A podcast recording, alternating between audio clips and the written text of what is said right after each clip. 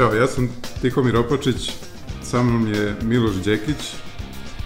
Seli smo da pravimo podcast sa idejom da promovišemo IT u Srbiji i regionu. Mislim da ovakvog sadržaja nedostaje na domaćoj sceni. Generalno je ideja da e, se, se šire znanja među programerima i među vlasnicima firmi, odnosno onih koji zapošljavaju te programere, da pričamo o raznim stvarima, uklanjamo tabu teme i tako dalje. Danas bi pričali o temi zapošljavanja u srpskoj IT industriji. Pre nego što krenemo na temu, par reči o nama. Ja sam vlasnik Orange Hill Development agencije programerske iz Beograda. A, deset i kusur godina iskustva, valjda se posle desete godine više ni ne broji, a, programiranja, konkretno na webu i recimo šest plus godina iskustva vođenja timova, zapošljavanja raznih IT a, ljudi i tako dalje. Miloše, reci ti par reči o sebi. Ćao svima i s moje strane dobrodošli u, u nešto novo ovaj, na ovim prostorima zašto se nadamo i Tihomira da će zaživeti, s obzirom da, da pokušavamo da dotaknemo ovaj veliki broj ljudi ne samo ovde u Beogradu, odakle smo mi inače i, i odakle trenutno a, snimamo ovaj podcast. Moje ime je Miloš Đekić, kao što Tihomir rekao. Ja još uvek brojim na sitno što se tiče godine iskustva i dalje je to ispod 10. Ovaj, međutim, to je bilo jedno veoma šarenoliko iskustvo do sada i, i preti da će tako nastaviti i u budućnosti. Ja sam uh, inače iz kompanije EONTech koja se takođe bave razvojem softvera, to jest pruženjem usluga u oblasti razvoja softvera, kao i razvojem softvernih proizvoda. Može, možete razmišljati o, mojoj kompaniji kao jednom kvazi startupu, ne, ne klasičnom, pošto nemamo nikakve finansijere, nismo član nikakvog inkubatora, akceleratora, nemamo angel investore i tako dalje i tako dalje, nego jednostavno se sami finansiramo i pokušamo da napravimo proboj na tržištu. Ok, sad e, malo o današnjoj temi. Zapošljavanje u srpskoj IT industriji je onako e, proces koji ja koji dugo vremena učestvujem u, u njemu, mogu da kažem da je dosta evoluirao. Um, mislim da ima, ima tu mesta za, za poboljšanje uh, i sa strane onih koji intervjuišu, ali i sa strane onih koji bivaju intervjuisani. Malo će veći fokus biti na ove druge, znači e, kandidate. I možemo zapravo da krenemo sa... Da, da, da malo porazgovaramo uopšte kakva je do srpska IT industrija, koje kompanije vas očekuju kada se zapošljavate i kakvi projekti i kakvi, kakvi klijenti i tako dalje. Ove... Ovaj, Onako, generalizovano sad tu postoji recimo nekih 4, 5 e, krupnijih onako a, velikih igrača. Pa ne, ne, nisam mislio to, nego kad, kad bi sad svrstavali, kategorisali IT kompanije a, programerske u Srbiji, možemo da kažemo tu postoje a, kompanije koje se bave pružanjem usluga, na primjer kao, kao što je naša, mi radimo uglavnom neke marketinške sajtove, kraće projekte koji ono, imaju i kraći životni vek, imamo i par startupa. Startupi su, na primjer, druga neka a, velika grupa. A, što imamo još... Da, startup inače sve više u novim prostorima, s obzirom da to je jedan hype ovako koji je obuhvatio ceo svet, pa pogotovo našu industriju. Ovo, ja bih rekao da imamo još puno, puno kompanije koje se bave razvojem poslovnog softvera i da je to nešto veoma ra, ovako rasprostranjeno, ovaj, pogotovo na teritoriji Beograda, a i šire u Srbiji, ovaj, jako veliki broj kompanija, pogotovo malo sa većim i poznatijim imenima se bave razvojem poslovnog softvera za razno razne klijente koji su najčešće u stvari iz inostranstva, ovaj, dok je, srps, da kažem, srpskih većih klijenata, to, to se najviše može potražiti u, recimo, bankarskom sektoru, a, kod telko operatera i naravno u državnom sektoru, a kad sam pomenuo bankarski sektor, to je naravno i sektor pružanja osiguranja. To su, da kažem, neki veliki igrači na tržištu koji, koji, koji su klijenti a, srpskih softverskih firmi. I, I ne zaboravimo gejmere, ali ni ti ni ja nešto nemamo pretredno puno iskustva na tu temu, pa... Naravno, pa nije da vas preskačemo, vi koji razvijate igrice, veoma ste cool, ali jednostavno ne osjećamo se kompetentnim da uplovimo u razgovor na tu temu, mada bismo volili, veoma dragi volje ćemo u budućnosti, da kažem, pozvati nekog da nam bude sagovornik, pa da prosto malo proširimo i pričamo o toj temi. Ovaj, ja bih hteo Ja bih hteo u stvari jednu stvar da stavimo ovako na sto, što kaže na ovom razgovoru, što mislim da ljudi obično greši, nemaju na umu kada, kada počnu da traže posao, što može biti i ono, da kažem, prvi put kada neko traži posao i ono kad hoće da promeni posao, možemo dotaći obe teme, ali bih se ja za sve ograničio to kad neko prvi put žele da se zaposli, ono što ljudi ne znaju je ko su oni, koji je to njihov poslovni profil i šta je to što bi oni mogli da radi, koje su to firme koje bi njih mogle da zaposle. Ovaj, nešto što se često dešava je da dobijamo ljude na intervjuima koji jednostavno nisu, ne, da ne kažem sposobni, ali jednostavno nisu, nemaju takav, takvu pozadinu koja bi im omogućila da na određenim poslovima radi. Um, zato bih ja nekako ovako iz, iz mog iskustva zapošljavanja, Tihomire ti ćeš potvrditi ili ćeš naravno opovrgnuti, a, kada se prijavljujete na posao, pre nego što to uradite, pre nego što ušte počete pretragu, sednite sami sa sobom i definišite šta umete da radite, šta biste voleli da radite. I onda iz, iz tog nekog skupa počnete da tražite posle koje bi mogli da zadovolje ono što vi želite, a gde biste vi naravno mogli da, da zadovoljite ono što poslodavac traži. Ovde verovatno ne pričamo o, o onom velikom broju kandidata kad dobiješ oglas, pa na primjer tražiš PHP programera, pa ti se javi milion nekih ljudi koji PHP nikad nisu ni radili, a su završili, na primjer, fakultet i smatraju da treba negde da započnu karijeru, pa što to ne bi bilo baš u tvojoj firmi.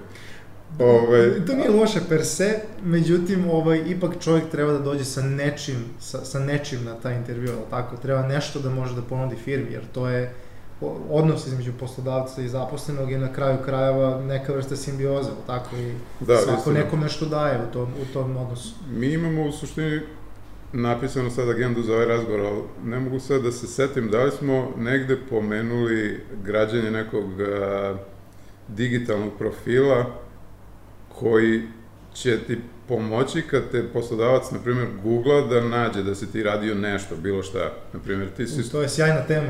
Da, ti si student, na primjer, i, i ovaj, nisi nigde radio, ali e, možda ti ne znaš da bi ti idealna referenca bila da si započeo bilo kakav svoj projekat, po mogućnosti nešto što je kao a, nemam pojma, neki na, na GitHubu hostovan a, open source, gde ćeš ti pokazati da, da ti je stalo do, do, do tvog zanimanja pod broj 1.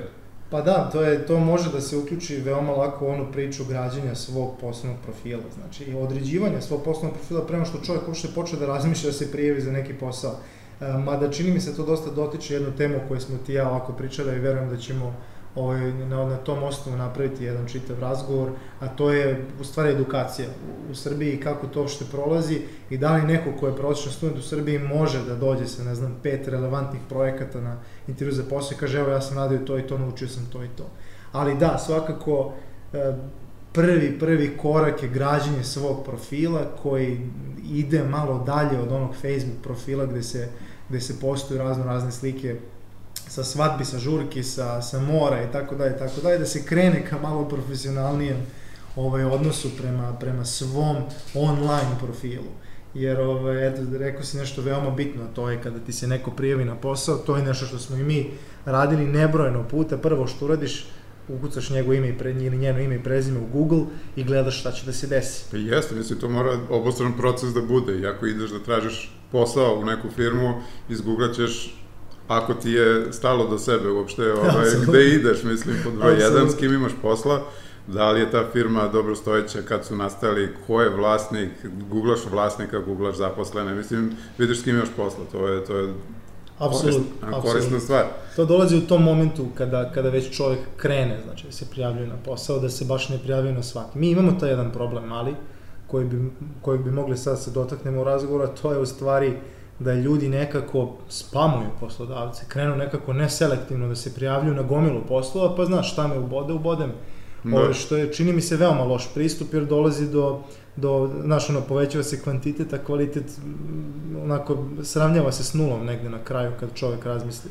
Pa mi imamo stvarno situaciju nezaposlenosti o kojoj se ne govori puno po medijima i tako dalje, ali realno imamo strašno nezaposlenost, pogotovo među mladim ljudima koji završi fakultet i onda se dešava da na jedan posao, na jedan, na jedan oglas za posao stiže e, između 600 i 2000 prijava i to prosto ponekad ljudi ne mogu ni da obrade Yes. u kompanijama. Još kad se setimo našeg srpskog mentaliteta, ja sam to čuo ovako iz prve ruke da se u nekim velikim firmama dešava, oni pogledaju prvih 100, ove ostale uopšte i ne gledaju. Jednostavno ne smatraju da je, da, da, da je njihov posao dovoljno plaćen da bi se one, kako oni kažu, maltretirali da ovaj, pregledaju sve te silne CV-eve i tako dalje. Jeste, često ni nema dovoljno vremena.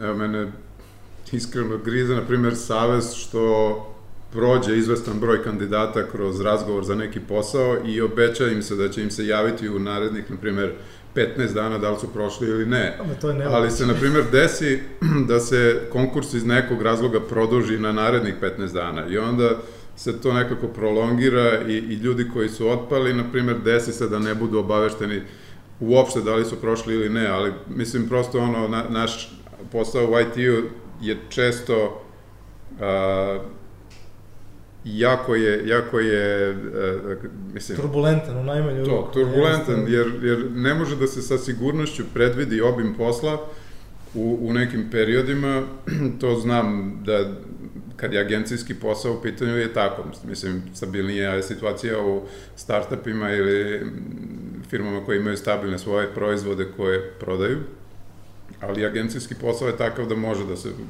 otvori, mislim, ukaže se neka poslovna prilika i sad ovaj, e, zapošljava se novi kadar, a dok se ne zaposli neko novi, onda se, mislim, gine da se taj posao odradi, jer tržište je nemilosrdno i, i to se mora. Samim tim nema se dovoljno vremena da se posveti HR-u, kad su manje firme u pitanju, kad su velike firme u pitanju, kao što si rekao, mislim, i, i ti HR-ovi su pretrpani ovaj, svojim nekim uh, poslom i, i dešava se ono, da ne samo se ne obrati pažnje na sve pristigle prijave, nego i tom nekom post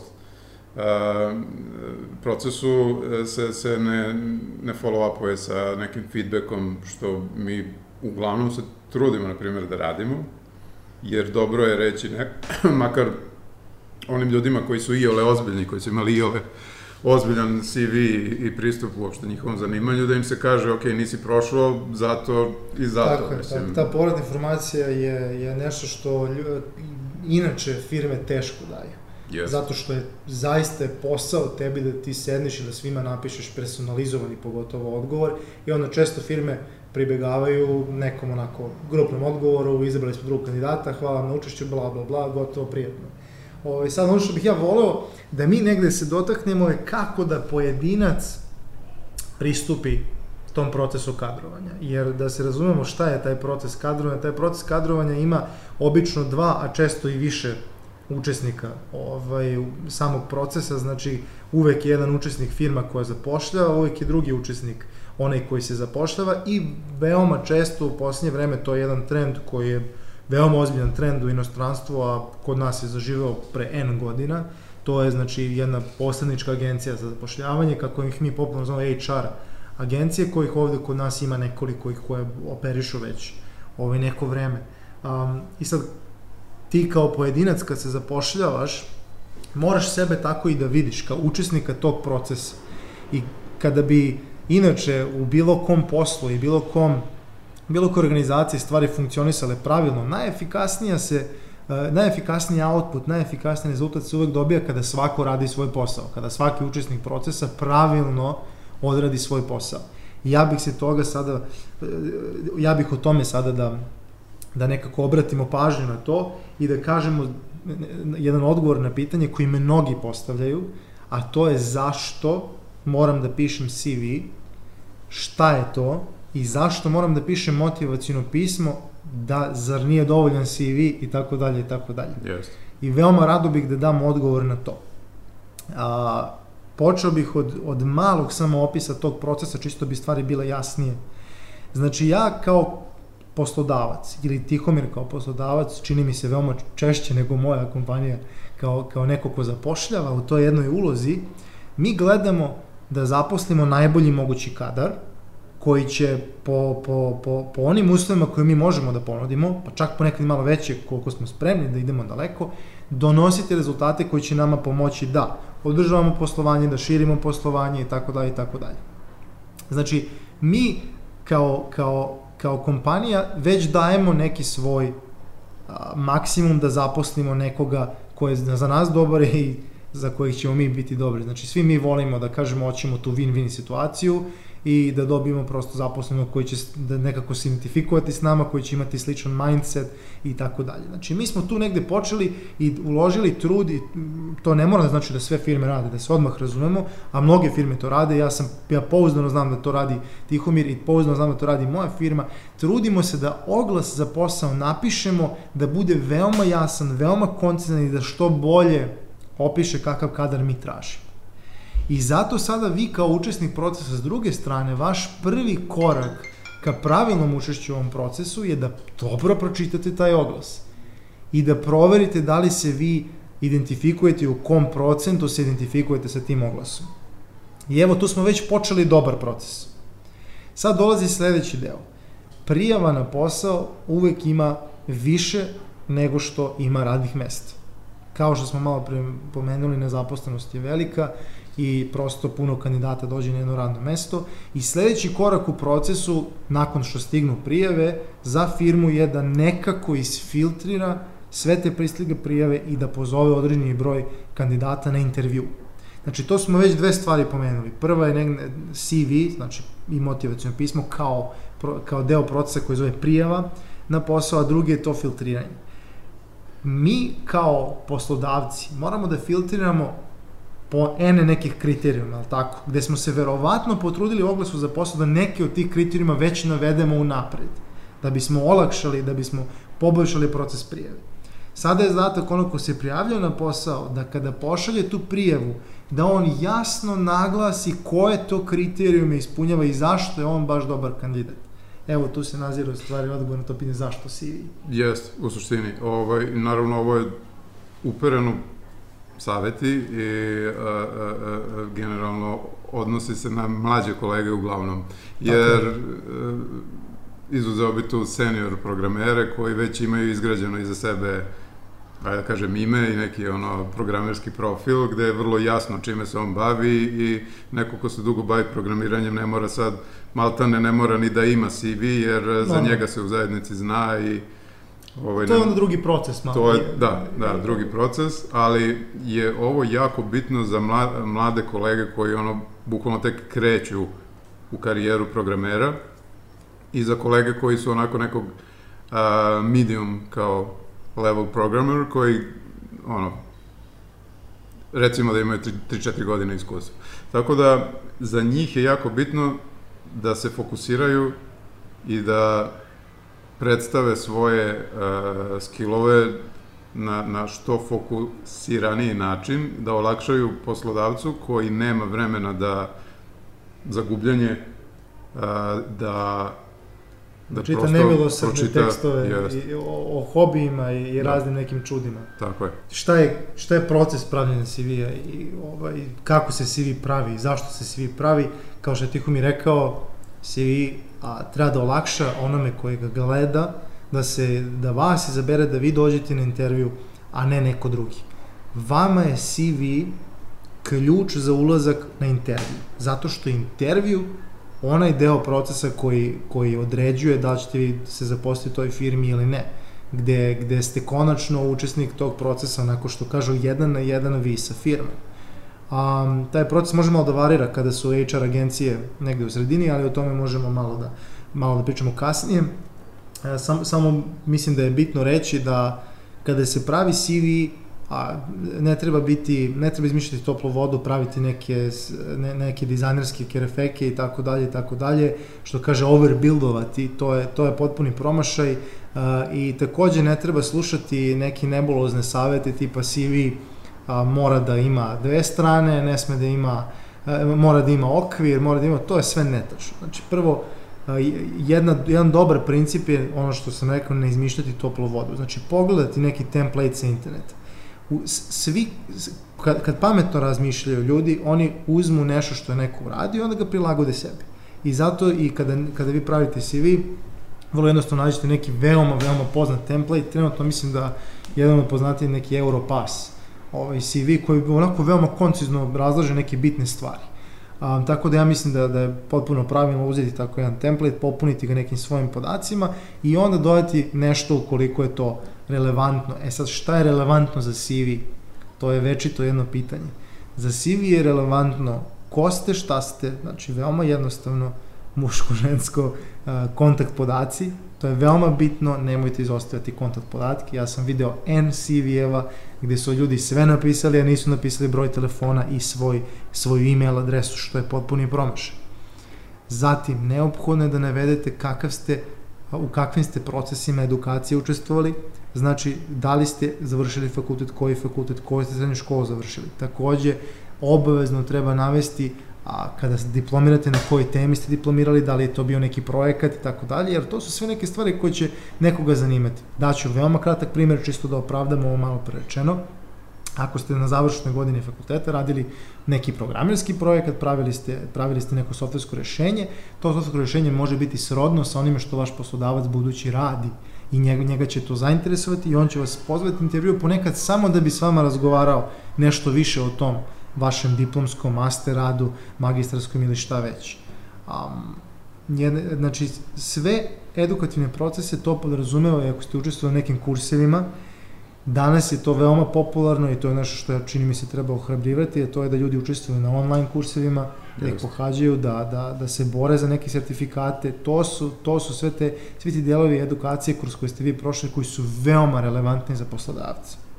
Ono što je još relevantnije, pogotovo u IT industriji, i to je za IT industriju strašno specifično, to, to su projekti i aktivnosti u kojima ste vi učestvovali za vreme studija, posle studija, za vreme posla i tako dalje i tako dalje. Istina, ja mislim da je, kad je proces učenja u pitanju, samo informisanje i čitanje na neku temu, e, sad zavisi, neko gleda video, materijal, neko čita knjige, neko sluša podcastove, šta god. Mislim, kako god informacija dođe do tebe, možeš da smatraš da je usvojena, ja mislim, tek kad je primeniš.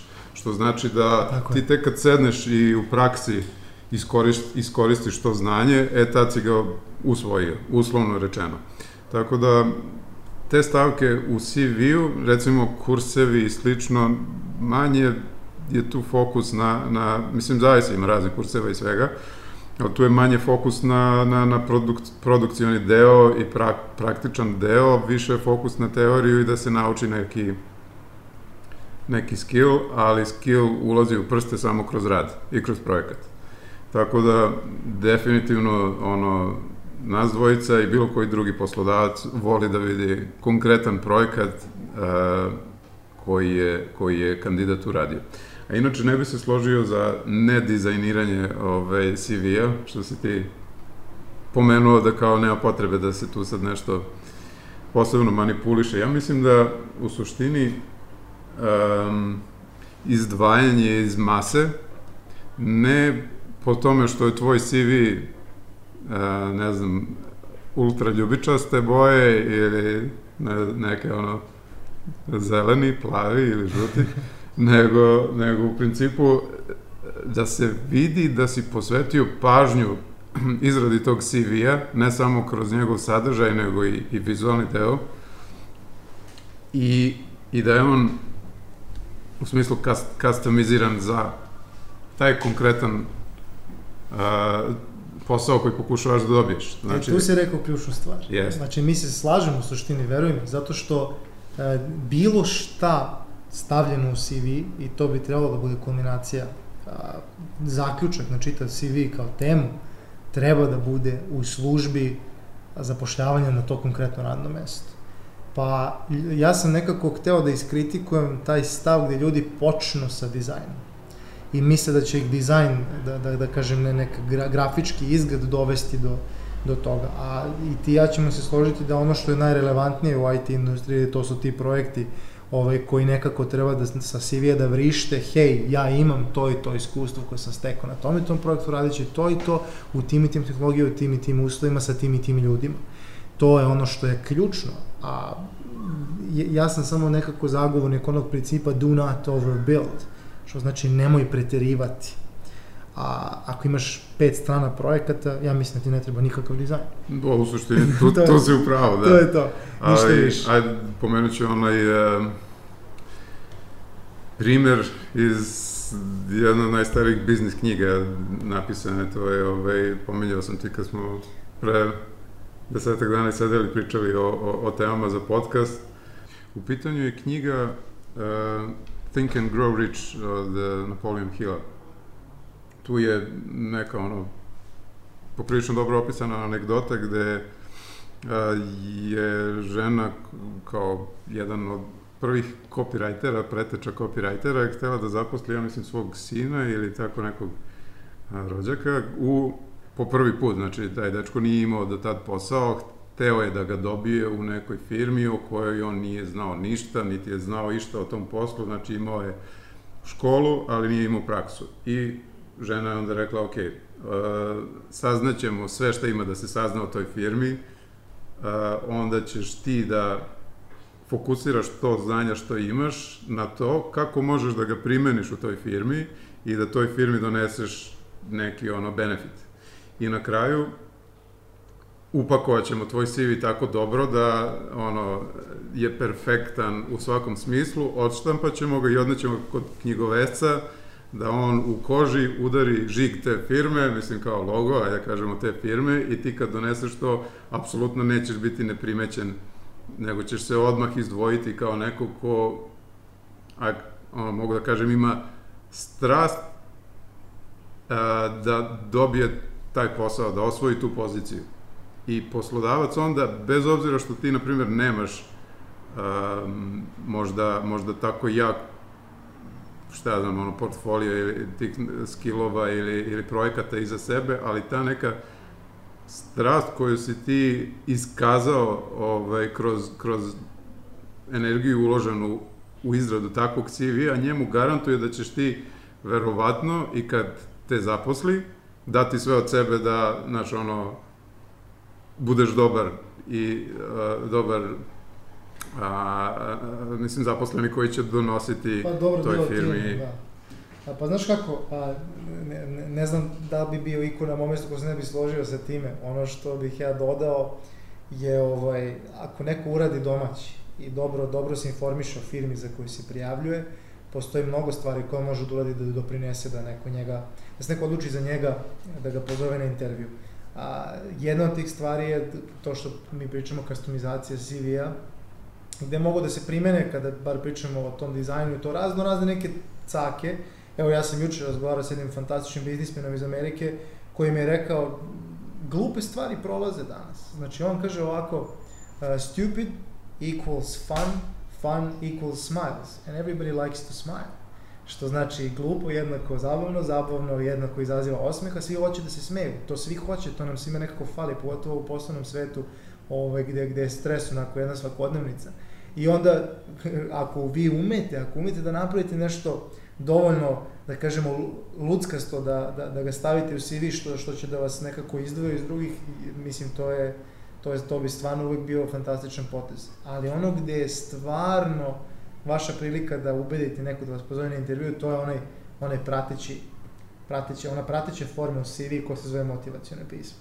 I to je razlog zbog kog ja nisam zagovornik nekog overbuildovanja CV-a, zato što je to motivacijno pismo vaša prilika da napišete ćao, ja sam taj i taj ili taj ta i zbog toga i toga sam ja savršen izbor za vašu firmu.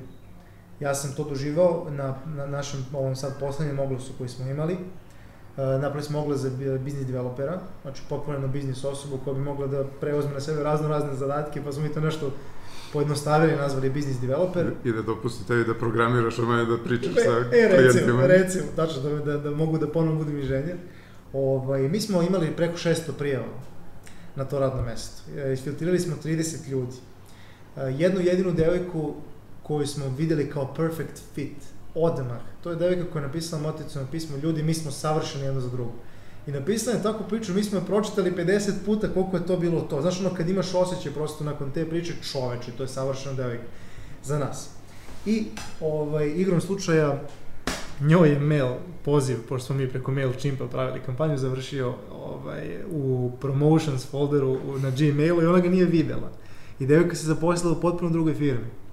A, mi nismo uspjeli da zaposlimo business developer, iako smo se razbili u intervjue i čuda i svega, ali a, juče je ta devojka bila s nama na razgovoru i ona će nam se pridružiti Pa super. za, za, mesec dana, zato što jednostavno to taj neki inicijalni, mi, mi, mi, smo, mi se nikad nismo ni videli, mi smo samo posle razmenili, znaš, ono, mail, Mhm. mail i tako to, jao, nisam videla, izvinite, ja sam zaposlila drugde, ali mi smo dalje perfect fit, mi smo, e, pa i mi smo razočarani i jesmo perfect fit, ali eto, ima prilike, i evo, bilo je prilike i ta devojka će nam se zapravo pridružiti na poslu i to je, to je nešto fenomenalno, zato što je ona uspela da jednim, s jednim pasusom teksta u potpunosti odgovori na ono što smo mi tražili i to je nekako bilo već na intuitivnom nivou smo mi znali da je to to. I to je ono što ja mislim da je čitav cilj tog, tog nekog motivacijonog pisma. Znači da, da, da se vi na neku ono prvu loptu predstavite poslodavcu, hej, ja sam čovek za vas, ja sam žena za vas, ja sam vaš programer, ja sam vaš arhitekta, ja sam vaš business developer i tako dalje i tako dalje. Tako da je to moj princip, nemojte overbuildovati, nego pokidajte ovaj sa motivacijno pismo. Mislim da bi mogli da da, da pričamo malo o sledećem ovaj, delu procesa, to je onaj ključni, to je intervju. Ovaj, vaš trud u CV koji ste uložili, koji, koji ste uložili u motivacijno pismo, koji, koji ste uložili da uradite domaći i proučite firmu, kulminira pozivom na intervju. E, to je jedan veoma zanimljiv deo ove priče i najnaporniji Da, za da.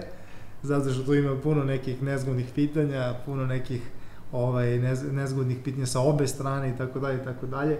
Pa evo Tihomir kao neko ko vodi jednu, jednu domaću IT kompaniju, ja bih volio da ti nekako počneš razgovor o intervju, ka- kako ti to vidiš iz svoje perspektive.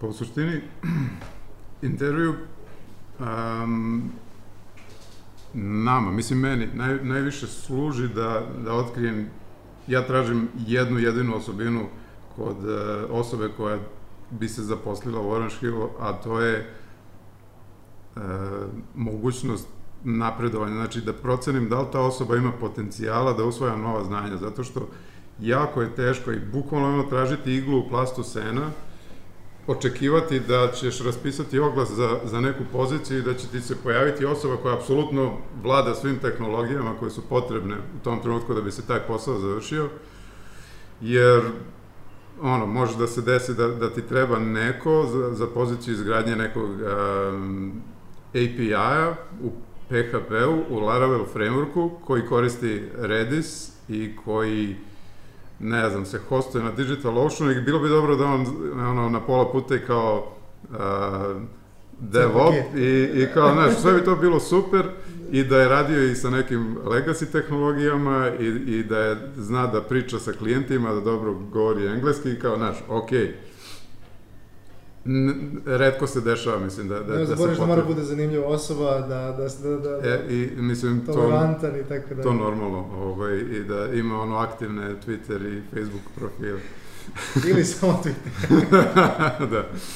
Ovaj, znači, ono što, što je najbitnije je da, da ta osoba koja ima deo tih karakteristika i skillova, da ono, onu drugu polovinu ili, ili ostatak što pre nauči i što pre postane produktivan. A, posle toga je, ili možda pre toga, ne znam sad, možda i jednake vrednosti je, je ta neka strast koju osoba mora da ima prema svom zanimanju. Znači, ako si ti zalutao u, u zanimanje programera, ti ćeš, ono, kao inteligentna osoba, verovatno plivati u tome neko vreme, ali čim ti se ukaže prilika, ti ćeš da bežiš u nešto što te više zanima. S druge strane, nećeš uživati u svom poslu ovaj, do, do te mere da Da inspirišeš i druge da rade Da, svoj posao bolje. Mislim, Jeste, to je Jeste. Mislim, znaš, ne, ne kažem da, da su takvi ljudi ono, loši zaposleni. Na, na, ono, naprotiv, ima ljudi koji ne vole kad dođu kući da, da sednu na internet pa da čitaju šta ima novo od, e, nemam pojma, tehnologije, šta se dešava u, u, u, svetu IT-a, pa to, da. Da li Apple dolazi 31. u Srbiju ili ne, I, i slično, nego ono, sedneš kući i izvedeš kuće i bacaš mu štap, otko znam, u Dunav. Igrač igrice, to je, Igrač ja, igrice, ja mislim pa da. logičnije nekako danas. O, I to je sve potpuno okej. Jeste, apsolutno. ali, ali ja mislim da svaka firma će dati prednost kandidatu koji ono živi i, kako se kaže na engleskom, live and breathe Live and breathe, da. uh, programming, tako da... Tehnologiju, je- jest. generalno, naravno, zavisi od radnog mesta. Mož, možda može da se kaže za programera da to nije zanimanje nego poziv, znaš, kao poziv Da. doktora, a, nije zanimanje da si doktor, nego tvoj poziv, znaš, ono, Tako možeš je, da radiš tako. danju, noću, ovaj, ali ti pomažeš ljudima, to ti inspiriše, to ti kao daje neku snagu, često programerima je ono plata možda i sekundarna, više ih zanima da nauče, da naš osete ono motivaciju da dođu na posao, ono kao da daj mi da, da nešto ono Da. programiram, da uradim nešto dobro i to. I, i takvi ljudi generalno prolaze. Mislim, to Tačno, se vidi. tačno. To se vidi u razgovoru. To je ta strast o kojoj Tihomir pričao je nešto što ne može da se sakri. Teško je da će se videti, nije nemoguće, ali je veoma teško da će se videti iz, iz CV-a, iz online profila, iz motivacijonog pisma, iako je veoma moguće, znači nije, nije isključeno. Međutim, na intervju, to onaj moment upoznavanja. Znači, intervju možemo posmatrati kao jedan blind date, koji može da rezultuje je- jednim, jednim gubljenjem vremena, a može da rezultuje nekim fantastičnim stvarima. Sad ja nisam nešto ljubitelj blind date, ali opet kad pričamo o poslodavcima, kada nije u pitanju neka preporuka ili neki specifičan proces, to je to. Znači vi idete na blind date sa poslodavcem gdje bi bar tako trebalo, jedni i drugi ciljate da se što bolje skontate, da biste što bolje doneli odluku. Jer ono što ljudi ne shvataju, zato što tako, živimo u zemlji sa velikom nezaposlenošću i to i svi misle da, znaš, ono, poslodavci, ja samo nek me zaposli i tako dalje, pa nekako se, onaj koji se zapošljava, nekako polazi iz neke inferiorne pozicije, što je potpuno, potpuno loš pristup. Znači, na intervju ste vi ravnopravan sagovornik sa vašim budućim potencijalnim poslodavcem. I to je jedna veoma bitna stvar. Znači, tu, tu jedni i drugi imate interes. I ono š, negde što sam na početku rekao, trebalo bi da odnos između poslodavca i zaposlenog bude jedna vrsta simbioze. Da bi se to postiglo, taj intervju treba da bude što iskreniji. I dolazimo sad do jedne ovako veoma bitne stvari i jednog ovako saveta koji bih ja od srca dao mlađim kolegama i koleginicama koji će, koji će sigurno sa nama nekad u, u budućnosti raditi. Mi smo ovde u domaćoj zajednici, ova domaća IT zajednica doživljava jedan procvat u posljednje vreme, pojavljuju se neke razne user grupe vezane za različite tehnologije, za različite vrste po, poslova i tako dalje. Ovaj, dajem savet sledeći. Nemojte lagati u CV-u. U redu je nešto predstaviti lepim rečima, ali nije u redu lagati. Obiće vam se u glavu. Nemojte lagati na intervju. Nemojte pred intervju sesti i prelistati 15 knjiga da se posjetite šta je šta i onda, ja zaboravio sam šta je dependency injection, pa odem na Wikipediju, pa pročitam šta je dependency injection, pa me onda neko pita na intervju, ja to izdeklamujem sa Wikipedije i ovaj me drugi pogled kaže, čekaj malo, čemu ti pričaš, ja ne znam o čemu ti pričaš. Tako da, vama je cilj takođe da se sa poslodavcem što bolje upoznate i da jedni i druge ispitate o tome koliko ste vi dobar fit. A, moram da napravim digresiju i da kažem da postoji veoma veliki broj firmi ovde u Srbiji koji posluju, kako bi rekli Rusi, pasjerapski, po jednom srpskom, sa jednim srpskim mentalitetom i na taj način i zapošljavaju. Um, I to je već sad na vama da vi otkrijete koja je firma kakva je i da, da uradite domaći. Pravilno zapošljavanje firma koja, koja se trudi da, da, da dovede dobrog člana tima će uložiti trud i tražit će tu jednu jedinstvenu win-win situaciju i tu simbiozu. Ako ste nađete na intervju sa takvom firmom, to će vam čini mi se veoma i biti jasno, da će preko puta vas sedeti jedne ili dve osobe koji imaju interes da zaposle što boljeg čoveka i koji bi voleli vas da upoznaju i da, da otkriju, da, da, da izvuku iz vas ono što bi moglo njima da doprinese. Um, ja bi se sad opet a, kao ne složio sa tobom, Okay. jer ja sam uvek bio u fazonu fake it you make it. U, u fazonu, znaš, a, Da. recimo, recimo da ja radim kao programer i radim marketinške neke sajtove gde se pravi neke, otko znam, Facebook aplikacije i to je ono kratkog životnog veka, a mene živo zanima rad sa, ne znam, big data i znam ja da, na, na primjer, u, u ovoj firmi XY ne postoji mogućnost da to naučim. Možda ću ja u tom trenutku dići sidro da odem u neku drugu firmu gde se to radi da bi naučio da koristim tu tehnologiju koju sam do tad samo čitao. I ja ne mogu sad da se predstavim tamo da sam ja to nešto radio, ali sam dosta čitao na tu temu i mogu da, znaš, opet ostavim dobar utisak na razgovoru i da kažem jesam možda, ne da lažem, znaš, ono, da, ja sam radio u toj firmi, imam dva, dve ili pet godina iskustva sa big data, nego da kažem da, radio sam. Jer na kraju kraja to je možda, znaš, ono i nije, to je neka, da, radio sam, jeste laž, ali kad kažeš e, da, imam iskustva, to je možda bela laž, pa ćeš ti siguran u sebe i u svoj ono uh, skill da brzo učiš i usvajaš stvari, znaš da ćeš u nekom probnom periodu ono, ostvariti dobar učinak i da ćeš brzo da pokapiraš sve to i da znaš, ono, nastaviš da radiš u firmi u kojoj ćeš usvajati nova znanja i da rasteš kao programer i da znaš, ne prevariš poslodavca time što ćeš mu biti neproduktivan, na primjer, tri meseca, nego ono, u prvih mesec dana, što je generalno, ja mislim, prihvatljiv vremenski period da se neko snađe u novoj radnoj organizaciji, yes. da ćeš postati produktivan. Um, ja opet mislim da se mi slažemo, samo možda malo govorimo drugačijim jezikom, ja bih rekao da je poenta tog intervjua a, upravo da se takve stvari otkriju. Znači ti ukoliko sa poslodavcem pričaš i tvoja strast prema nečemu, evo kao primjer si naveo big data, ovaj, se vidi iz razgovora, oni neće tražiti projekte koji to mogu da potkrepe, zato što će on videti ono način na koji ti o tome govoriš i prosto neće mu biti potrebno da kopa duboko da vidi da si ti zapravo radi u nekom projektu, koliko to bilo ozbiljno i tako dalje i tako dalje.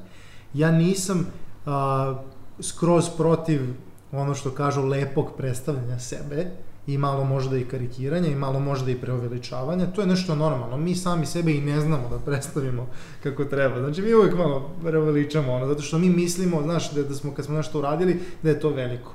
Naravno, svi koji se zaposle kao junior inženjeri shvate da počinju ne od nule, nego od minus 10 i svi shvate da u početku koliko ne znaju, što je dobro, jer posle znanje raste eksponencijalno. Tako da, mislim da se slažemo, samo možda to zovemo drugačijim, drugačijim imenom. Da, da. Ovaj, ja bih sad hteo da, da, da, da samo da kažem, pomenemo koji su to neki potencijalno delovi intervjua, znači šta, šta se dešava na, na intervjuu. Znači, na intervjuu vas obično, a, neko, znači, po, pored onog nekog, da kažem, nominalnog upoznavanja, tako ko smo, šta smo, prolaska kroz CV i tako dalje i tako dalje.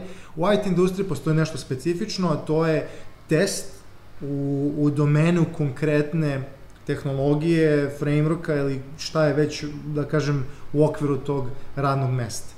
Taj test je nešto što mnoge kompanije jednostavno copy-pasteuju sa interneta, a neke druge kompanije se trude da naprave što relevantniji test, pogotovo da ga prilagode vrsti posla za koju traže novog zaposlenog.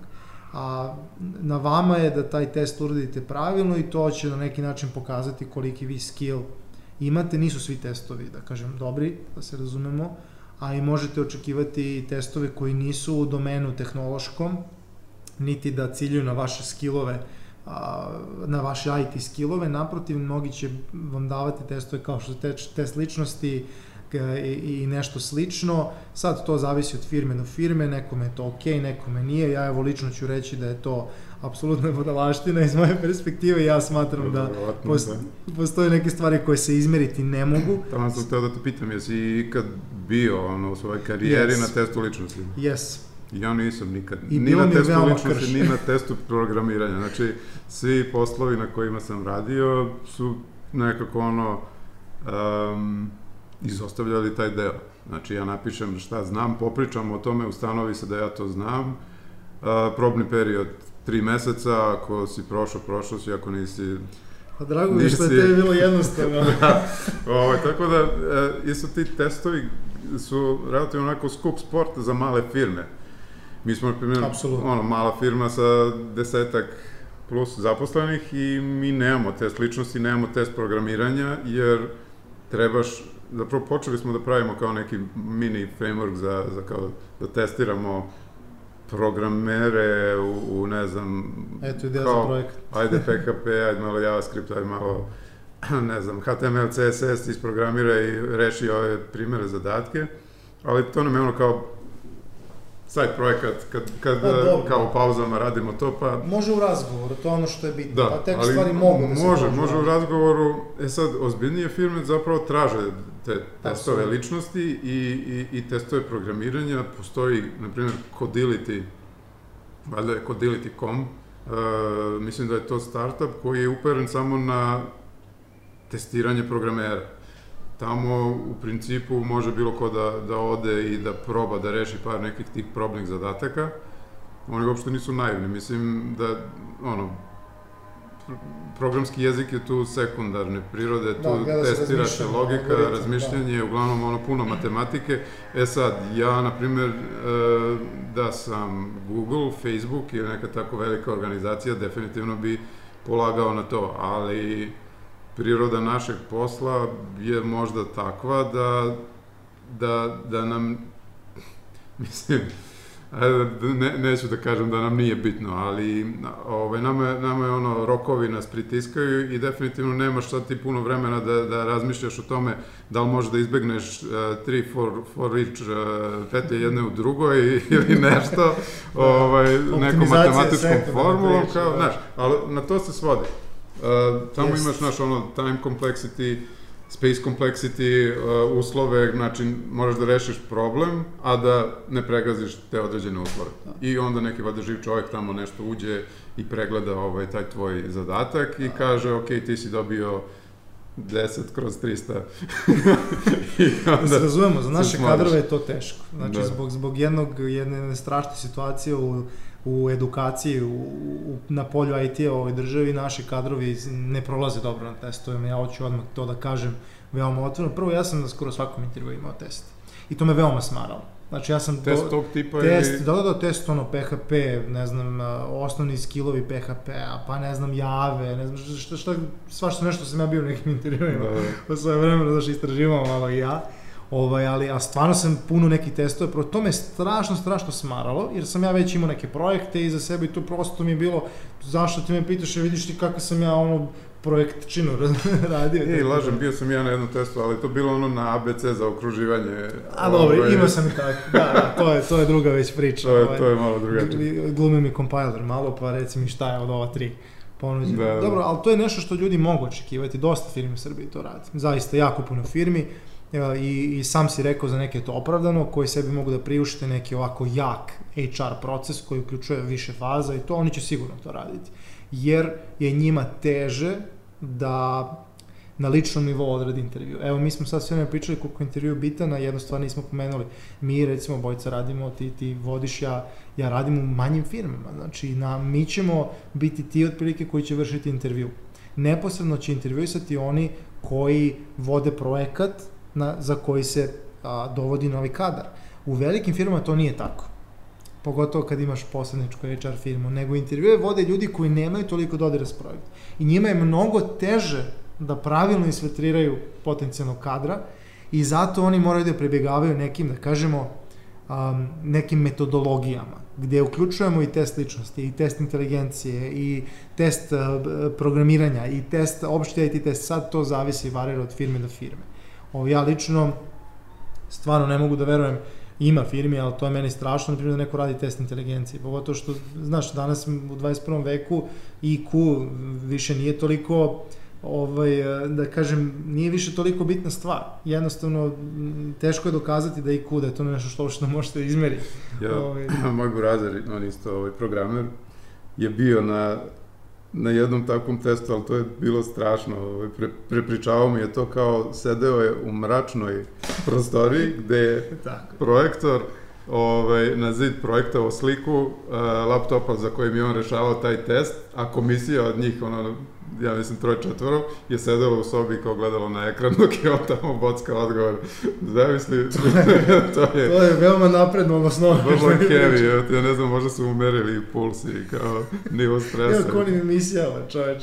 To mi se dopada. Mogli bismo stvarno napravimo neki reality show na tu temu, znači zapošljavanje. Ovaj, ne, ja sam samo hteo čisto da navedem da to ponekad odlazi malo predaleko, ali ovaj, ono što se, što često isplima na intervju, to su neka česta pitanja koje poslodavci postavljaju, a ima tu dva koja su veoma škakljiva. Postoje jedno veoma stereotipno pitanje koje ja ne podnosim, ali ljudi jednostavno kao da su s Marsa pali, neko im je onako ispravo mozak i naterao da uvek postaje to pitanje, a to je gde sebe vidiš za pet godina. A, 21. vek, turbulentne tehnologije, turbulentan, brz život, ja ne znam ko sebe može da sagleda narednih 5 godina kad počinje svoju karijeru ovaj, ili negde ima 2, 3, 4 godine iskustva, to je veoma teško i na to pitanje ja lično da me neko pita, ja nikad ne bih mogao da mu dam odgovor, iako ljudi zahtevaju i sad tu ne znaš da li da kažeš pa vidim se u tvojoj firmi, super sam uspešan, do, doprinao sam toliko i toliko velike plate ili da kažeš ne znam, vidim se kao vrhunskog inženjera i tako dalje, tako dalje, mislim da i nema pravog odgovora. Do, dosta je triki pitanje, to ti je ono kao kad pitaš srednjoškolca, u stvari klinica koji završi osnovnu školu, šta ti želiš da budeš u životu? Tako je. Znaš, Nemam i sad šta klinac zna kad, znaš, nema iskustva dovoljno Tač. da oceni šta se njemu sviđa. Znači, neko ko je tek započeo karijeru, on nema pojma da li on želi zapravo da ostane programer čitavog života, ili želi da uh, u nekom trenutku tu svoju programersku karijeru usmeri na neki ono management kao Mislim, to je sad ta neka glupa situacija gde se od senior programera u nekom trenutku očekuje da on postane senior lead, odnosno osoba koja više ne programira, nego govori drugim programerima šta da rade. A ne vole svi ljudi to, znaš, tako da ti nemaš pojma, ono sad dve ili tri godine iskustva, no, da li ti uopšte imaš people skills da radiš tako nešto, da li želiš da radiš tako nešto i da kažeš sad nekome da ja sebe vidim kao vođu uh, tima od 20 ljudi u tvojoj firmi, znaš, Ma da, slično, neki je... kažu kao treba imati viziju, ali opet yes. nemaš uslova da, da, da, da daš taj odgovor i to ono što... U svakom slučaju ono, ono što, što ja mogu nekom da preporučim, u stvari ono što bi ja odgovorio na to pitanje je Pa ja imam ono strast prema tom i tom zanimanju, odnosno program, programiranju Kapiram da ću već. biti guru za I mislim da ću, da, ono, ili ću biti guru ili ću da, ako se smorim, da radim nešto drugo. da. tako je, tako je. Ove, ovaj, jedan ortak koji je vodio firmu sa 40 zaposlenih, mislim, da je bila njegova firma, u nekom trenutku se smorio, zatvorio firmu, otišao da radi nešto drugo. Njegova je teorija da čovjek svakih pet godina treba da menja zanimanje. A kao automobili. da, znaš, otprilike kao dostigneš ovaj, vrhunac kao u nekom segmentu i kao, ok, idem sad da, ne znam, otvorim pekaru. A dobro, to je... Da, ma, ma, ne kažem da tako treba. Ja sam to jedno drugo škakljivo pitanje da pomenem i to je najveći ubica question ovaj, na intervjuima, a to je koliko platu očekujete. Da, oko toga to, o tome ne može mnogo da se priča, da. Je, jako je teška tema, ali samo želim da napomenem da je to pitanje koje neko bi trebalo da očekuje na intervju. I odrediti visinu željene plate, to je to predstavlja jedan proces, da kažemo, kombinovanja toga u kojoj industriji se zapošljavate, u kom gradu, a, kakvi su to klijenti, kakav je obim posla, koliko je to teško, koliko ste vi sposobni, kako ćete vi stvari odgovoriti na izazove posla, kakve su standardi u industriji i tako dalje. To, to je sve nešto čime prosto trebalo mi na 3 sata da se pozabavimo svime i ja mislim da, da, Ali, da možemo Mislim, ovo, ovo, ovo je krucijalno pitanje, znaš, zato što neko ovim pitanjem sebe zapravo prodaje. E, firma, na primjer, za neko radno mesto može da izdvoji određeni budžet, ali, ali zaposleni koji dolazi na razgovor, on je u inferiornom položaju zato što on procenjuje sebe. Tač. I on tebi Tač. kaže kao ovaj, poslodavcu, ja ću da radim za platu od, ne znam, 800 evra. I sam, samim tim i on sebi uskratio mogućnost da radi za 1000 evra. Jest. Ali e, opet, ako kaže 1000 evra, da. pitanje je da li firma ima budžet E, to se zavisi od poslodavca, znači, tako? Jest. Znači, ja bih prvo hteo da izbjegnemo te evre i to, nego ja bih da mi pričamo o hlebovima, pošto je hleb jedan od osnovnih životnih namirnica u Srbiji, evo ja ću sad kažem ovako. Ako je poslodavac, inače to većina poslodavaca radi, znači jednostavno zna koji je budžet, zna koliko može da plati zaposlenog, ili iz nekog budžeta koliko će u nekog ulagati, ili iz nekog prosto tekućeg projekta, ali tako. I sad recimo da je budžet 1000 hlebova. A svaki biznis je na kraju kraja profit orijentisan i jedna od stavki funkcije maksimizacije profita je funkcija minimizacije troškova. A troškovi plata su realni troškovi. Ima tu raznih drugih administrativnih državnih bla bla bla, ali suštinski to je trošak. I za poslodavca je dobro da on minimizira trošak iz biznis aspekta, al tako? Iz aspekta da. poslovanja. Prema tome, ovaj, on i gleda da što manje na kraju krajeva plati to koji će da dođe postoje razlike u mentalitetu i razlike u pristupu u stvarima. Ja znam kad smo mi razgovarali tako o budžetiranju radnih mesta i to, mi smo stavili, evo, ovoliko možemo, ovoliko smatramo da treba ta pozicija da ima, a ovoliko ćemo mi, ukoliko smatramo neko dobro, želit ćemo da ga stimulišemo i razno razne smo zahteve naravno dobijali po pitanju plate, neko sebe precenjivao, neko je sebe podcenjivao i tako dalje, ali u suštini na to pitanje pravog odgovora nema ukoliko vi zapravo niste 100% sigurni za koju platu želite da radite. I ja mislim da posle par godina rada vi definitivno ćete znati za koju platu želite da radite, definitivno ćete znati kako da odgovorite to pitanje, tako da je to nešto što jednostavno malo možda treba nekad lupiti glavom u zid i tako dalje. Ja se ne bih bojao toga na početku, i ne bih se, ja se recimo kad sam ja počinio svoju karijeru, ja se nisam bojao koliko ću platu dobiti. Baš ono što si ti rekao, znao sam, ja sam teo da se bavim ženskim poslom i brilo me apsolutno briga, čovječe, ja idem da radim ono što volim, neko će da me plati za to. Da, bukvalno dobijaš pare da radiš ono što voliš, mislim, Tako. to je ono... Tek kad sam vidim. opipao svoje neke sposobnosti, da sam ja postao nečemu relevantan, tek sam onda ja shvatio, ok, sad hoću više sad već moram da planiram i hoću, ne znam, kola, hoću ovo, hoću ono i to je stvarno kao kad kupujete kola, vi ne kupujete auto koje možete sad odmah da priuštite, tačka. Zato što ako sad imaš 50.000 hlebova i kupiš auto za 50.000 hlebova, sutra će da bude 5.000 hlebova neko održavanje, a ti potrošio sve hlebove. Znači jednostavno... Vrlo skup neki auto. 50.000. Evo sad da računam koliko košta hleb sala, pa, pa, ali u svakom slučaju to je ono što je bitno, znači vi kada određujete visinu plate koju želite primati, vi morate imati na umu koji su vaši troškovi, šta ćete s tim parama da radite. Ima ljudi koji znaju stan i kojima je bitno da plate 300 hlebova mesečno da, da izneme stan. Pa jeste, da. E, znači, to je škakljivo pitanje, ali nije nemoguće na njega dati odgovor. Samo treba malo sesti i razmisliti i mislim da će stvari doći na svoje mesto. Ja dosta čitam uh, kao savete za uh, mislim, čitam svašta po internetu, svašta se piše, ali ono, kad, kad najđem na članak gde se savetuje uh, kako razgovarati sa poslodavcem na razgovoru za posao, ja uzmem i to pa pročitam i uvek se naš ono savjetuje kad te pita koliku platu očekuješ da ne kažeš, zato što si onda ubio sebi kao naš mogućnost da pregovaraš. I savjetuje ti se da, ne znam, pitaš ti njih, a koliko vi nudite, naš, i onda, naš, poslodavac će tebi da zavrne ruku, a koliko ti tražiš, a koliko vi nudite, znaš, i onda ko prvi kaže, ta je zapravo, naš, ono, na, u lošoj pregovaračkoj da, pozi, poziciji, znaš. Posto inferior to. Da, pa jeste, ali... to može ali, petu da bude. Realno, ovaj, ja, ako, mislim, na, na, nailazio sam na takve ono, situacije i ja kažem, znaš kako, ti kod nas možda imaš platu 300 hlebova ili 2000 ili 3000 hlebova, sve zavisno se to koliko ti možda doprineseš firmi, znaš. I na kraju se sve svodi na to da, da se, znaš, ono, proceni da, znaš, njegov skill set uh, pravda ovaj broj zarađenih hlebova. ovaj da, svakako. Kažem, samo je samo je škaklju pitanje, ništa više. Yes, to je, yes. ali ali treba treba biti opušten po tom pitanju, pogotovo kada si na početku, ja lično se ne bih brinuo. Znači, nekome nekome, neko treba da razmišlja kad se prvi put zapošlja veoma specifično da mu to bude oskočna daska. Znači da pokupi što više da, znanja da, da. i da ili nastave u toj firmi gradeći bolju karijeru sa boljim benefitima ili na kraju krajeva da pređe u neku drugu gde će nastaviti svoju karijeru pravim putem. Ja iskreno mislim da je premija ako nađeš firmu koja je voljna da te primi na tri meseca da za džabe sediš kod njih, ali da ti neko visi nad glavom i da ti daje da radiš neke projekte ovaj, gde ćeš ti ono, naučiti, zato što to više niko čak neće ni da radi.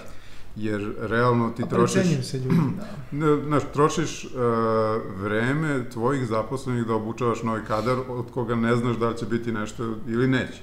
Tačno. Tako da, u principu, ono, mi smo dvojicu mladih kolega uzeli, obučili i, znaš, to je po meni sasvim ok, ono, trade, da, da oni kažu, ok, ja ću da radim za, za jako malu platu, zato što znam da ću da dobijem gomilu znanja Tako je. u tako. jako kratkom vremenskom periodu, gde će mi neki čovek koji je senior u, u, u toj konkretnoj oblasti svaki dan po pola sata, sat sa mnom sedeti i, i govoriti mi gde sam pogrešio, znači to, to bukvalno ne možeš da kupiš.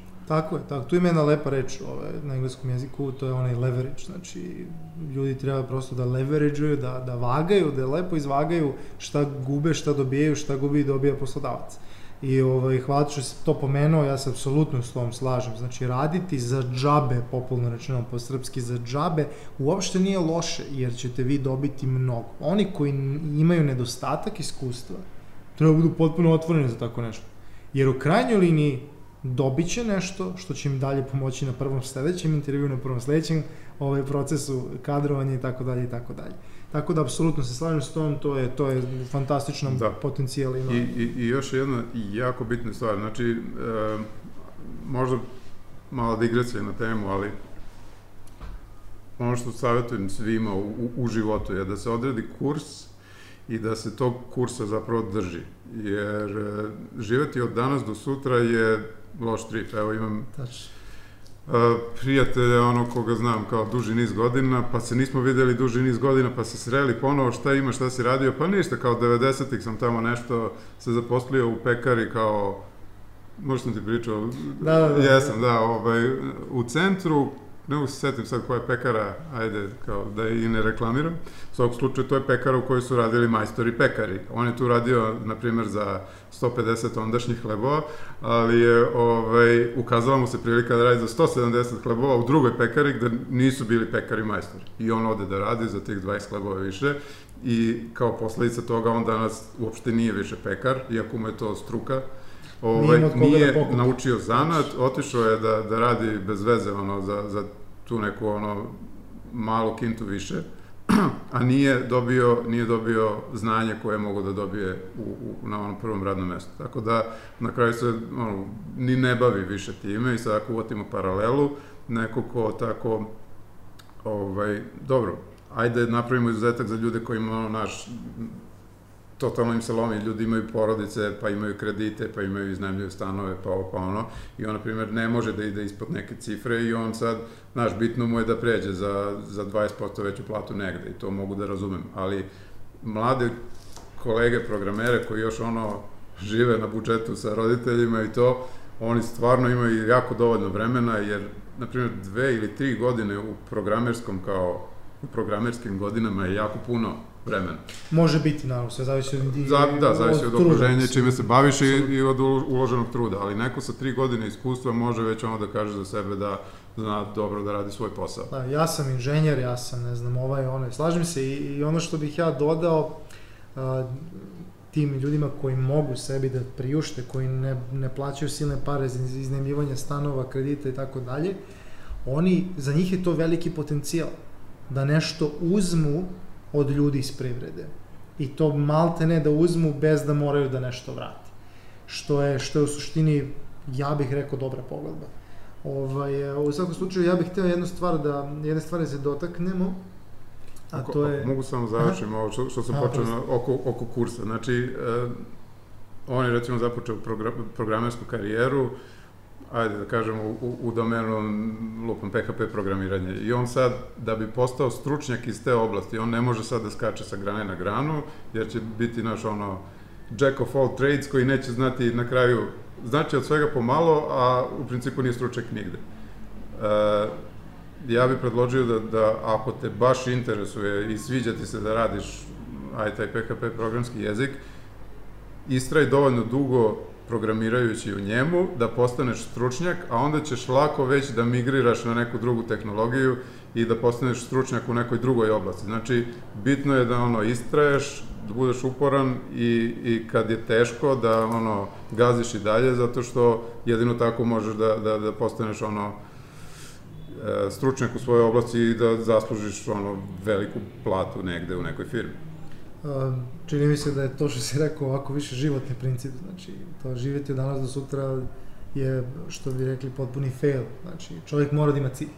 Jeste, I da. između ostalog u karijeri bitno je postavljati ciljeve i uopšte se ne treba plašiti da, da neko bude tendencijozan sa ciljevima. To je u redu, znači kako, su, kako je bilo ko uspešan danas u svetu, to što je postao neki surovi tendenciozni cilj. Mislim, ja sam došao Foni, na Fonu te uče nešto što je misija, vizija i ciljevi. Znaš, onda kad kažeš vizija, to je neka ono nedostižna ovaj, ludnica, ono šta, ti, šta bi ti voleo, ono šta bi bilo fantastično u životu da ti se desi. Mnogi ljudi ostvare tu viziju, ali samo zato što se postavili. Jeste, evo ja imam Ovaj. na desktopu a goal is a dream with a deadline, tako da kažeš ja hoću da postanem ekspert u PHP programiranju do 2015. godine, Eto ti vizija. do kraja 2015. godine. To ti je vizija, imaš deadline i kreneš u ostvarivanje. Tako je, I vozi ne možeš da failuješ. Tač, tač. I, I ono što, što, je, što je takođe bitno, ovaj, kogod ima cilj i grabi, ja mislim da to u životu tako, ovaj, ali naravno mo- mogli bismo da se sporimo, ali ko grabi ka tom cilju otvoreno, stvari se dešavaju same od sebe.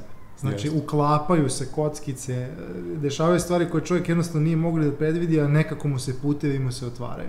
Što kaže, naoružati se strpljenjem i zapleti kao sivonja, stvari će se desiti. znači, trud, I, I imati ostaje. naravno strast ono, ka, ka tome što radiš, bez toga nema Tačno, ništa, jer, jer onda nema, nema ništa da te vozi i da ti daje snagu da istreš.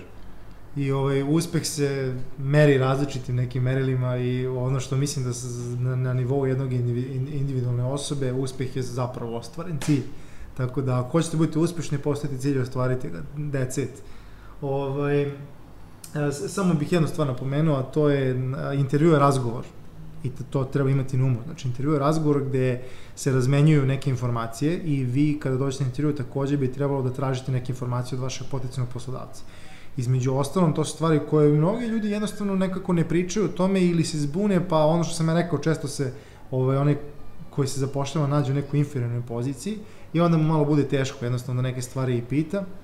Ovaj, ali evo, nekako ćemo brzo preći preko tih stvari. Na primer, pitajte poslodavca kakva je politika u vezi sa prekovremenim radom, da li se od, od vas očekuje rad vikendom i tako dalje. A ako se očekuje, što verujte mi nije ništa čudno, da li je to uređeno na neki poseban način, da li postoji neka naknada i tako dalje i tako dalje. Ja, ja bih samo tu ono, jednu osnovnu stvar rekao. Postoji zakon o radu Republike Srbije koji ima ovo sve načelno deklarisano. I ti kao preduzeće možeš, imaš određenu slobodu da to modifikuješ, ali moraš da ostaneš u okviru zakona o radu. Tako da e, ljudi treba da pročitaju zakon o radu. Između ostalog. jer mnogi ono se plaše da li imaju uopšte pravo na godišnji odmor i takve stvari. Mislim, sve to stvar na kraju dogovora. Ako ja, i, i, mislim, znaš, pravimo neki posao, ako ti hoćeš sa mnom da učestvuješ u tom poslu, da dostignemo neki cilj, a ne da se kao, znaš, ono dogovorimo da ne idemo na godišnji odmor godinu dana, zato što će nam biti kasnije super. Jeste, I to može da se desi. To je ulaganje, to je investiranje vremena koje to, je ali, ali to mora da bude dogovor, to ne sme da bude default, kao došao si u firmu, brate, nema godišnjeg Da, odmora, podrazumeva podrazumeva se, se da se radi ništa. 10 sati dnevno i to je to. Mislim, E, to treba iskopati nekako odmah na početku intervjua. Ja mislim, kad bi sad otišao neki intervju, ja bih kopao da pa, saznam znaš sve neke detalje. vrlo jednostavno pitanje, ono, e, pitaš poslodavca, jel se vi pridržavate zakona o radu? I svih stavki u njemu. Znači, mislim da se razumemo, mnoge firme u Srbiji se ne, ne pridržavaju, imamo puno nekih raznih varijanti tu i tako dalje. Ja sam sa mnogim svojim prijateljima pričao koji su zapošljavali u nekim, po nekim abnormalnim uslovima, znači prosto... Znam, mislim, ima ono, e, dosta i na crno zaposlenih ljudi, a, to je, mislim, jedna, jedna od stavki ovde o kojoj smo hteli da, da razgovaramo, crna plata, bela plata, Jeste, je- jednostavno nam, nam ovako malo, da, da kažem, puno vremena bi nam trebalo da se, da se pravilno dotaknemo te teme, pa ja mislim da bi bilo, da kažem, ok, da samo pomenemo čisto da ljudi imaju na umu da neki, neki poslodavci će vas zaposliti a, sa tom takozvanom belom platom, što podrazumeva da će za vaš angažman platiti pun porez, porezi su inače surovo visoki, iznose, ja mislim, oko 55% kad se sve sračuna, porezi odlaze na razno razne stvari, opet nešto što bi trebalo da se informišete u, u zakonu o radu i Jasno. tako nekim, nekim zvaničnim glasilima Republike Srbije. Um, postoje, postoje ovaj, recimo na 1000 hlebova, ne, vaš poslodavac će vama isplatiti 1000 hlebova i morat će još jedno 550 do 600 hlebova da plati poreza da, tako nešto. za vas, otprilike. Ovaj, i vaša plata suštinski, takozvana bruto plata, će onda iznositi 1600 hlebova, a vaša neto plata 1000 hlebova. U slučaju da vas neko plaća popularno rečeno na crno, ukoliko ste prijavljeni, vi ste obično prijavljeni na neki što manji iznos, to je taj takozvani beli deo, ovaj, i postoji taj takozvani crni deo, to je sve ono ostalo koje se provuče ispod žita, dobijete na ruke i tako dalje. Ne bih ulazio sada u to da li je to opravdano, zašto, kako to ljudi u Ali, Srbiji... Pazi, na kraju je krajeva to opet bolje nego da je čovjek neprijavljen, što je isto čest slučaj. Jest. Jer kad si prijavljen ipak imaš uh, osiguranje, zdravstveno pre svega, ovaj, a ako si neprijavljen nemaš ama baš ništa, niti ide staž, niti kad se razboliš možeš kod doktora za, za dž i to je onako jako, jako loša Da, situacija jednostavno, koju definitivno barem zdravstveno, barem zdravstveno osiguranje čovjek da dobije od, od svog rada i tako dalje, ali opet kažem, to je jedna veoma zasebna tema, ja ne bih se puno time bavio, samo bih pomenuo još da postoji nekoliko vrsta ovaj, zapošljavanja u smislu uređivanja odnosa između poslodavca i zaposlenog. Znači, postoje ugovor, znači uvek postoji ugovor neki o radu ili ugovor o delu. Ugovori o radu su obično na određeno i neodređeno. Na određeno to su ugovor na mesec dana, dva, tri meseca, godinu dana. Na neodređeno to je ono od jutra do sutra pa dok ne dođe do nekog, do nekog razlaza i tako dalje i obično se tu ugovara određeni otkazni rok koji ima benefit i za poslodavca i za zaposlenog. Za poslodavca da ne bi mu neko u sred projekta jednostavno ispario, nego da ima neki otkazni rok, minimalni otkazni rok po zakonu je 15 dana, Da. a, a to se zakon ovim ugovorima može urediti pa da to bude mesec dana. Obično se definiše na mesec dana. Obično tako je, na mesec dana, mislim, mislim da je to veoma razumna, razumna cifra, razum, razuman broj dana i za, benefit za zaposlenog je da ukoliko poslodavac više nije zadovoljan i jednostavno damo otkaz, da može da iskoriste tih 15 do mesec dana ili više da nađe drugi posao. Znači, to je dobra stvar, imati otkazni A sad, rok. što se tiče ugovora na određeno, obično kad se zaposli neki novi čovek, on ide na probni rad od, zavisi kako se definiše ugovorom o radu, mesec dana, dva ili tri. Zapravo nisam siguran moguće da pos- postoji stavka u zakonu koja precizira da probni rad ne sme da traje duže od, to treba da, da, da se konsultuje, ali u toku tog probnog rada sve je apsolutno identično o, radu kao na neodređeno vreme, osim stavke da raskid e, tog rad, radnog odnosa može da se desi mnogo brže. Znači, tu je otkazni rok 5 dana Tako je. i, i a, ovaj, praktično taj ugovor o radu na određeno vreme, ukoliko zaposleni u tom periodu ispune sva očekivanja poslodavca, on automatski postaje ugovor na neodređeno vreme i toga se ne treba plašiti, to je ono, normalna stvar da postoji taj probni period. Ne, to je veoma dobro da se mi razumemo i za onog koji zapošljava i za onog koji, koji, koji se zapošljava, zato što je to jedan probni period gde će ljudi prosto videti da li, da li se kapiraju, jel tako, da li da. funkcioni, da li vibriraju na istoj frekvenciji, da li tu postoji međusobni interes da se saradnja nastavi dalje. Ima i drugih varijanti što se tiče zapošljavanja, neki, neki propagiraju taj jedan sistem gde vi otvorite vašu agenciju, gde ste vi ono, Da, popularno sam svoj gazda, vodite neko paušalno knjigovodstvo, a oni potpisuju ugovor sa vašom agencijom, vama isplaćuju tu bruto iznos vaše plate na agenciju, onda vi sebi kao zaposleni, zaposleni ste sami u svojoj firmi, isplaćujete platu Sad kako vi to uredite, to je drugo, ima tu sad nekih prednosti i mana, može biti jedna tema veoma zanimljiva. Naprimjer, vi kada imate svoju agenciju, vi možete račun firme koristiti u privatne svrhe. Što, što vam već govori otprilike da, da neke mogućnosti se tu povećavaju.